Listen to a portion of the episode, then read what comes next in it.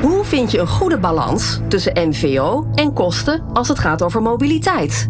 Tijd om slimmer te leasen. In de Slim Leasen podcast praten presentator Volker Tempelman en consultants Elske van de Vliert en Arjos Bot u bij over de laatste ontwikkelingen. Welkom bij de Slim Leasen podcast. Deel 4 van de Slim Leasen podcast. Elske en Arjos, welkom. Goed dat jullie er zijn. Ja, goed om er te zijn. Dankjewel. Deze keer hebben we het over alternatieve brandstoffen. Laten we bij het begin beginnen. Wat zijn alternatieve brandstoffen, Arjos? Ja, in feite zijn alternatieve brandstoffen niets anders dan, eh, iets anders dan de traditionele benzine- of uh, dieselbrandstoffen. ja, dat kan van alles zijn eigenlijk. Er is best wel een, uh, een mix aan alternatieven beschikbaar. De meest voor de hand liggende zijn, denk ik, volledig elektrisch, hè, op accu rondrijden. daarnaast is er bijvoorbeeld waterstof, zij het nog een beetje in beperkte mate. Groen gas. Kijk even naar Elske, vergeet ik er een. HVO, een nieuw type biodiesel op basis van reststromen. LNG, vloeibaar, aardgas, waar ook veel vrachtwagens op rijden. Ja, dan heb je nog je biodiesel, je bioethanol en nog wat uh, schimmige dingen her en der. Maar dan hebben we de belangrijkste wel gehad. Veel meer dan je op het eerste gezicht eh, zou zeggen. Je denkt brandstof, ja, diesel, benzine, dat that's it. Maar dit is dus het hele spectrum waar we het over hebben. Uh, hoe belangrijk zijn alternatieve brandstoffen, Elske? Nou, uh, essentieel, want uiteindelijk uh, die olie die we gebruiken om die traditionele brandstoffen te maken, dat houdt een keertje op. En waarschijnlijk houdt het niet direct op omdat het daadwerkelijk op is.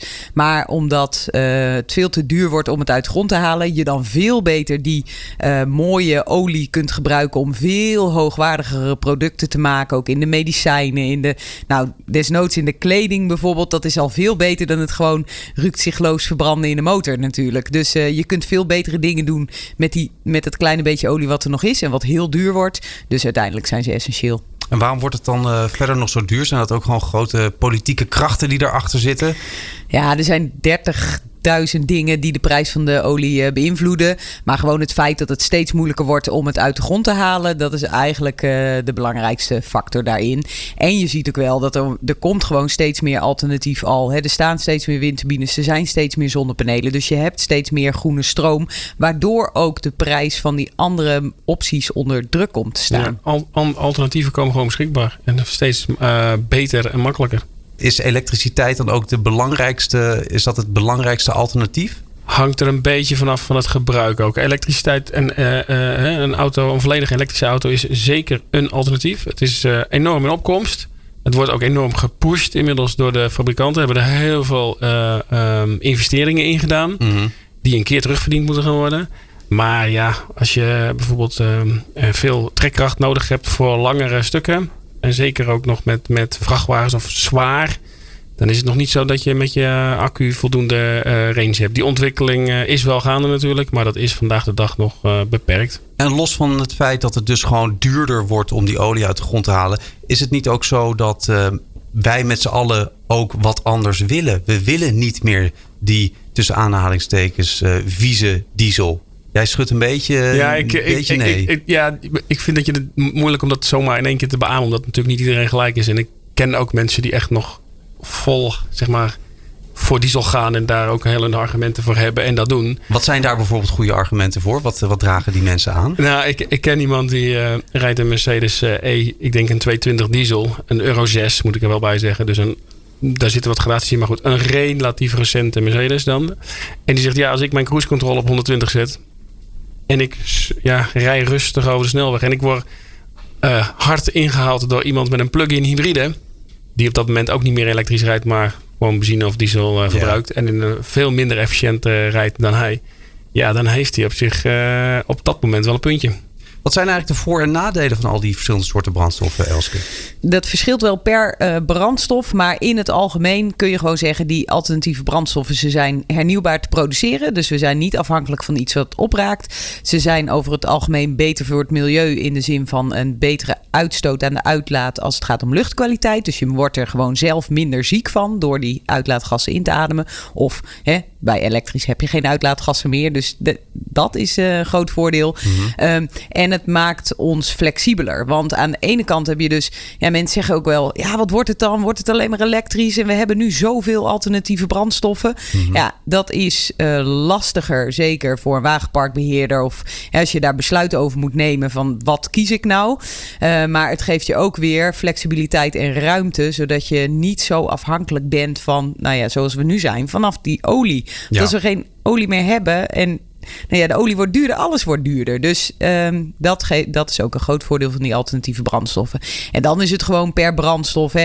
Elektrisch scoort heel goed als het gaat om luchtkwaliteit. Groen gas scoort daar ook goed op. Beter dan benzine en diesel bijvoorbeeld. Maar ik noemde net HVO. Dat scoort helemaal niet zo goed per se op luchtkwaliteit. Dus daar zitten dan weer verschillen tussen. Dit is de Slim Lease podcast met Volker Tempelman, Elske van de Vliert en Arjos Bot. Misschien een rare vraag, maar zijn er uh, nog meer alternatieve brandstoffen in opkomst die we misschien nu nog niet kennen? De laatste tijd heb ik dat HVO wel echt in opkomst zien komen. Ik denk ook nog wel dat we uh, van uh, iets wat GTL heet en straks waarschijnlijk naar BTL gaat, wat kunnen verwachten. En ik zal het even uitleggen. GTL is gas to liquid, oftewel dan maak je van gas een, een, gewoon een vloeistof, een brandstof. Mm. maar die B staat voor bio. Dus je kunt van bioproducten, vaste bioproducten, uiteindelijk ook een vloeistof maken. En als een grote partij Shell bijvoorbeeld dat proces, want ze zijn heel erg bezig met GTL wel, ze dat proces goed onder de knie hebben. En zij kunnen zeggen van nou ja, hè, wij kopen allemaal bio-reststromen op. En mhm. wij gaan daar een, een vloeibare brandstof van maken die gewoon in je diesel of benzinemotor kan. Nou, beste mensen, hè? Dan, uh, dan hebben we het voor u geregeld. Hoe welwillend zijn er dat soort grote, uh, hele belangrijke partijen in dit verhaal uh, op dit moment? Nou, ze zijn er allemaal mee bezig. Ja. En uh, ja, er wordt wel gezegd van ze werken het tegen. Ik denk dat ze heel erg proberen, de grote partijen heel erg proberen het tempo uh, ja, te bepalen. Precies, hun positie natuurlijk te verdedigen. Dat geldt ook trouwens voor autofabrikanten. Mm -hmm. Maar goed, de laatste uh, transit, trans, de, de, acquisitie of de aankoop van Shell van de New Motion. Ja. Wat een, een, partij is die voorop staat in het aanbieden van laadfaciliteiten. Ja, dat geeft natuurlijk wel aan dat ze bezig zijn. Ja. Maar het zijn zeg ik ook op de schaal van Shell. Het zijn speldenprikjes volgens mij. Maar goed, men is er mee bezig. Is er een, eh, een top zoveel uh, samen te stellen van uh, de toonaangevende partijen, multinationals, die eigenlijk op dit gebied bepalen hoe hard we gaan in de ontwikkeling? Shell bijvoorbeeld, grote autoproducenten zoals Volkswagen misschien in Duitsland. Hem, ik heb niet een panklaar antwoord. Wat ik wel weet is dat er een index is voor de duurzaamheid van verschillende autofabrikanten bijvoorbeeld. Mhm. En uh, ik weet dat Toyota en BMW daar uh, behoorlijk hoog op scoren al jaren in, jaren, jarenlang. Maar ze, ja, terug precies naar jouw vraag, dat durf ik zo niet te zeggen. Nee, en dan gaat het dus eigenlijk meer over branches hè, waar we het dan over hebben. Dus de automobielbranche, uh, de, de oliebedrijven. Tesla heeft natuurlijk wel een, voor een enorme versnelling in de markt uh, gezorgd. En uh, Nissan hè, is ook al wel echt jaren bezig. Dus die heeft dat denk ik ook wel gezien als strategie om zich echt te onderscheiden in de markt.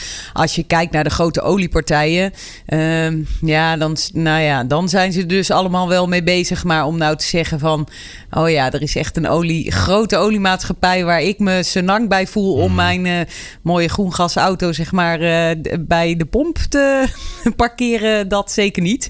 Uh, maar gelukkig groen gas denk je meestal op een, uh, uh, nou ja, wel op gewone tankstations, maar dan wel een aparte groen gaspomp. Dus dan kan ik me er nog een beetje van distancieren. Zijn we in zekere zin wel redelijk overgeleverd aan de goden? In dit geval zijn de goden dan de multinationals. Als je kijkt naar hoe snel we over kunnen stappen naar alternatieven. Mm, nee, vind ik eigenlijk niet. Nee? Vooral ook omdat er echt wel wat, laten we zeggen veelbelovende, ik noem het even in mijn eigen woorden, start-ups en idealisten zijn. Mhm. Ja, hoe is Tesla begonnen? Ik wil niet iedere keer het voorbeeld Tesla noemen hoor, maar uh, ja, dat geldt ook voor uh, het uitvinden van energie. Ik, misschien een klein stukje terug naar net in de podcast. Zijn er nog alternatieve brandstoffen uh, die nog niet genoemd zijn? Dan weet ik er ook nog wel één. Ja. dat is mierenzuur. Oh ja. En dan oh, niet mierenzuur van de mier, maar dus, dus ze kunnen tegenwoordig chemisch mierenzuur namaken. Ik heb een tweetal jaar geleden, denk ik, een, een, een autootje zien rijden op mierenzuur. En een jaar geleden zal het denk ik ongeveer geweest zijn, reed er al een bus op Mierenzuur. De eerlijkheid gebied wel te zeggen dat de hele installatie achter op de trailer aan de bus hing.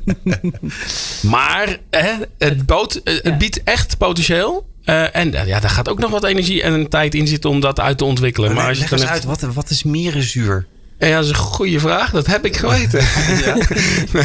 ja, het is echt een chemische uh, reactie die ze hebben kunnen nabootsen. Die uh, hetzelfde is als bij mierenzuur. Okay. En die zorgt ervoor dat je heel duurzaam iets kunt aandrijven. Het, ja, dat is wat het doet. Maar vraag me niet meer naar de exacte chemische componenten van en iets heel simpels. Jij wil erop inhaken, Elske? Ja, uh, nog even over die, uh, die tankstations en waar moet je het nou in zoeken. Eigenlijk hebben we in Nederland gezien dat het vooral de kleine spelers zijn die de markt open hebben gebroken. Ook in groen gas bijvoorbeeld uh, Pitpoint en Orange Gas en Fuel. Die hebben echt de markt voor groen gas tankstations opengebroken. De New Motion, mooi voorbeeld, die hebben laadinfrastructuur opengebroken. Good Fuels is nu bezig met HVO. Dus het komt echt vanaf onder ja. Af. En dan zie je dat op een gegeven moment die grote partijen ermee aan de haal mhm. gaan, zeg mhm. maar. Maar dat is, dat is ook goed, want het is ook innovatie. Dus er is ook disruptie nodig. En ja, dan zie je dat wel op... Uh... Bottom-up heet dat ja, dan, hè? Van beneden naar boven komen die ontwikkelingen beter tot hun recht. Dit is de Slim Lease podcast. Nog zo'n mooie uh, uitspraak is well to wheel. Is al eerder gevallen in deze podcast uh, reeks. kunnen we dat nog eens even uitleggen en hierbij halen? Ja, dat is uiteraard. Kijk, um, well is natuurlijk bron. Wheel is het, het, wiel.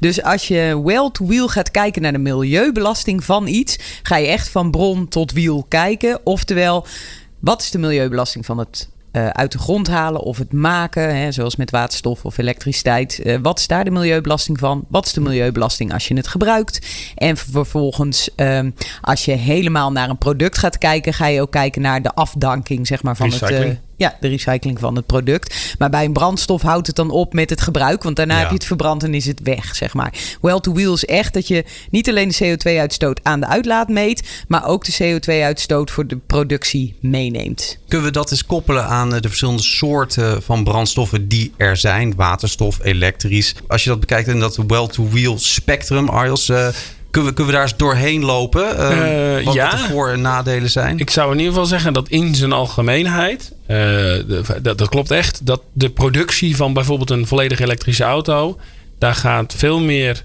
uh, uitstoot en vervuiling slash CO2 komt daarbij kijken dan bij een traditionele benzine- of dieselauto. Dat daar is een feit. is een eerste verschil. Daar is een eerste belangrijk verschil. Alleen als je daarna de elektrische auto gaat gebruiken, nou, dan hangt het er natuurlijk echt nog wel vanaf of je groen, groene, uh, duurzaam opgewekte elektriciteit gebruikt om je accu's te laden. Of grijze stroom gebruikt om je accu's te laden. Daar zit mhm. ook echt wel een verschil in.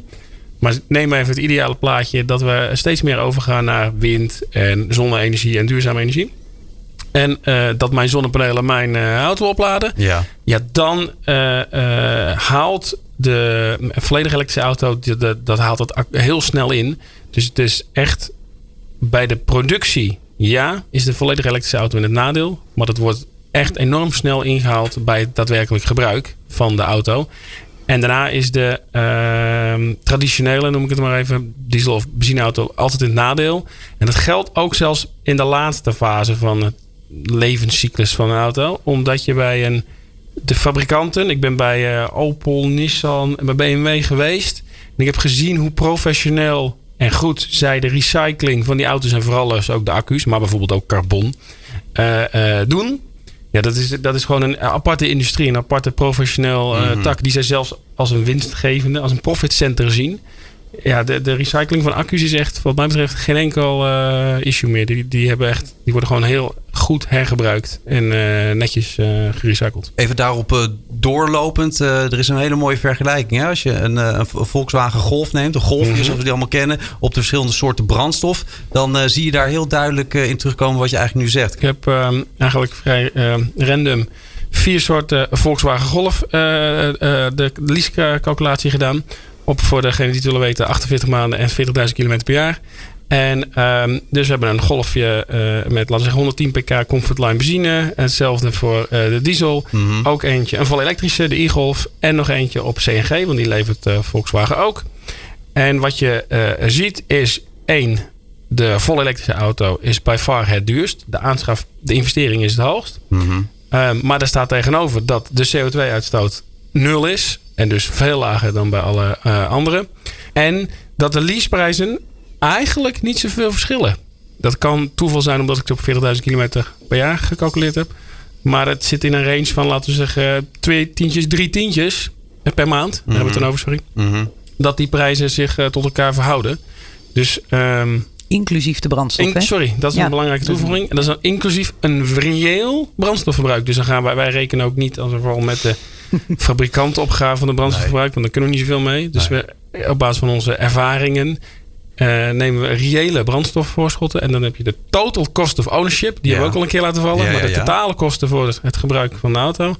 En dan eh, zit daar dus twee tot drie tientjes per maand eh, maximaal s- spreiding in. Niet zoveel, hè? Niet zoveel, zeggen. nee. En wat, wat kunnen we daar dan uit concluderen? Een aantal dingen hangt er. eh, Je kunt één conclude- concluderen dat er een stimulans is wat dat betreft om voor vol elektrisch te gaan. Omdat dat voor de medewerker heel aantrekkelijk is. Omdat hij een hele lage bijtelling heeft in het huidige fiscale eh, klimaat. Ja. Aan de andere kant is het dus ook voor een werkgever heel makkelijk. En niet per se kostenverhogend om te gaan sturen op meer duurzame mobiliteit. En ik durf de voorspelling ook wel hier te doen dat op termijn, en dat is nog niet zo heel lang hier vandaan, de diesel nog een stukje duurder zal gaan worden. Er zullen Ja, nog meer heffingen opkomen. Hij zit gewoon in een hoekje waar nu even de klappen vallen. Ja. Of dat nou terecht of onterecht is, misschien een andere discussie. Ja. Maar het imago of de, is eigenlijk, de schade is al wel eh, geleden. Dit is de Slim Lease podcast. Ja, ja, helemaal mee eens. Je ziet ook al dat de inruilwaarde van diesels eh, minder goed wordt. En ehm, eh, dat, het zal gewoon allemaal naar elkaar toe kruipen. En eh, in dat ehm, eh, staatje van eh, Arjels is ook mooi te zien dat het, het daadwerkelijke verbruik, dus de CO2-uitstoot, tussen een benzine en een diesel eigenlijk bijna geen verschil meer maakt. Kortom, die benzineauto's zijn zo zuinig aan het worden.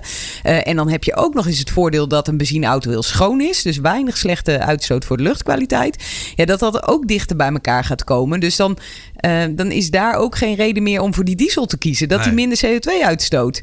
En dan is alleen nog de brandstofprijs een, eh, ja, Een issue, zeg maar. Ja. Maar ja, ook die, ik bedoel, de diesel is niet meer. eh, ik weet nog dat ik eh, ooit vroeger in een ver verleden kon je diesel tanken voor ruim 100 euro. Nou, ik weet niet. Dat heb ik. eh, Wo- Wordt het hierdoor eigenlijk niet eh, gewoon ook best wel lastig dan om een, eh, om een weloverwogen de juiste beslissing te nemen? Ja, wat is dan de juiste beslissing ja, die, in brandstof? Ja, ehm, de juiste beslissing kan je niet nemen op het moment dat je je randvoorwaarden van te- aan de voorkant niet helder hebt gesteld. Nee. En daar gaat het om. Wat voor een bedrijf wil je zijn? Wat is je overtuiging? Ehm, vind jij eh, dat CO2 reduceren of goed zijn voor de luchtkwaliteit belangrijk? Bijvoorbeeld omdat je klant erom vraagt. Bijvoorbeeld omdat je een verantwoordelijk bedrijf wil zijn. Bijvoorbeeld omdat je ziet dat je je daarmee kan onderscheiden van je concurrenten. Nou ja, als je dat soort dingen zeg maar helder hebt, dan kan je ook zeggen van nou ja, oké, hoe vertaal ik dat dan in mijn wagenpark? Welke keuzes maak ik daardoor in mijn wagenpark? En als je zegt, joh, het interesseert me helemaal niks en ik ga gewoon vol gas eh, die snelweg over en mijn medewerkers moeten alleen maar hard, snel, snel, snel, snel. Ja, dan maak je inderdaad andere keuzes. Maar gelukkig zijn er steeds meer bedrijven die inzien dat ze daar de wedstrijd niet mee gaan winnen. En ook medewerkers. Die En ook medewerkers. Dat, ja, zeker weten. En daar hè, de, de wedstrijd niet alleen niet winnen, dus vanwege dat je de concurrentie niet meer aan kunt gaan. Maar ook omdat medewerkers nou bij je weglopen, niet eens eh, bij je gaan solliciteren. Er de ontzettende. Zeg maar, zeker in technische beroepen worden er zoveel mensen gevraagd die ze niet kunnen vinden. Nou ja, als je dan niet onderscheidend kunt zijn als, als werkgever, ja, dan, ga, dan ga je het op dat vlak verliezen. Tot slot, wat zouden jullie eh, wat dit betreft eh, als overal advies willen geven als je het hebt over al- alternatieve brandstoffen? Ik zou het in ieder geval vanuit als werkgever eh, faciliteren. Dus niet zeggen, gij moogt niet of gij zult niet. Of wij schrijven voor dat. Maar het of in ieder geval aanbieden. En eventueel kun je het natuurlijk een beetje promoten, faciliteren of stimuleren. Afhankelijk hoe je daar als organisatie eh, in zit. En wat de mogelijkheden zijn. En wat het gebruik is van de auto's door de medewerkers. Dat is ook wel relevant. In ieder geval is het belangrijk dat je ermee gaat starten. Dat je gewoon hoe dan ook aan de gang gaat. Dat je er gewoon handen en voeten aan gaat geven. En eh, niet nog langer, maar gewoon benzine en diesel blijven bestellen. Omdat dat is wat je altijd hebt gedaan. Elske, waar kunnen we de podcast uiteindelijk terugvinden? Slimleasepodcast.nl Dat was hem. Volgende keer hebben we het over welke trends kansen bieden voor jou als wagenparkbeheerder. Tot dan! Tot zover deze aflevering van de Slim Lease podcast. Zorg dat je op de hoogte blijft van alle ontwikkelingen op het gebied van zakelijke mobiliteit. En luister ook naar de volgende aflevering.